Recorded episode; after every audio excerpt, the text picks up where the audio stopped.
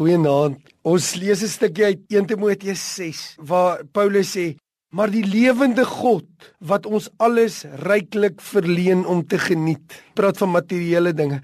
Hy sê die lewende God wat ons alles ryklik verleen om te geniet, dat hulle goed kan doen en ryk kan wees in goeie werke, vrygewig en mededeelsaam. Baie mense gebruik hierdie gedeelte om te sê die Here gee vir ons ryklik om te geniet en dit staan werklik so. Die Here sê hy gee vir ons ryklik om te geniet, maar dit beteken nie die Here sê jy kan al jou weelde en alles net op jouself spandeer nie. Dis nie wat hierdie skrif wil sê nie. Hierdie gedeelte wil sê dit wat Prediker 2 sê, niemand kan geniet sonder die Here nie. Maak nie saak wat jy het of watter materiële dinge, jy kan nie geniet sonder die Here nie.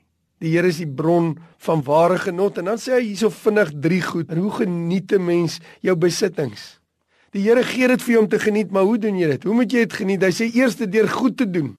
Daar's niks wat vir jou meer genot gee. Is as jy die materiële dinge wat jy het, gebruik om goed te doen. Die tweede ding is gebruik dit om vrygewig te wees, met ander woorde om te gee.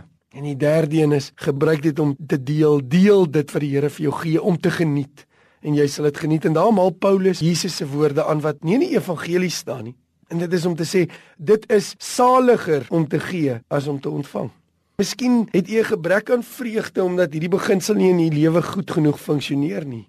Jy gaan nie dit wat die Here vir jou gee om te geniet geniet as jy nie dit gee nie.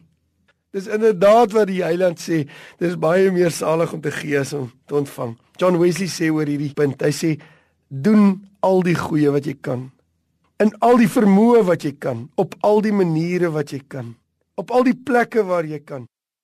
Elke keer wanneer jy kan, aan al die mense wat jy kan, solank as wat jy kan. Dit is vreugde en genot. Mag die Here u seën. Amen.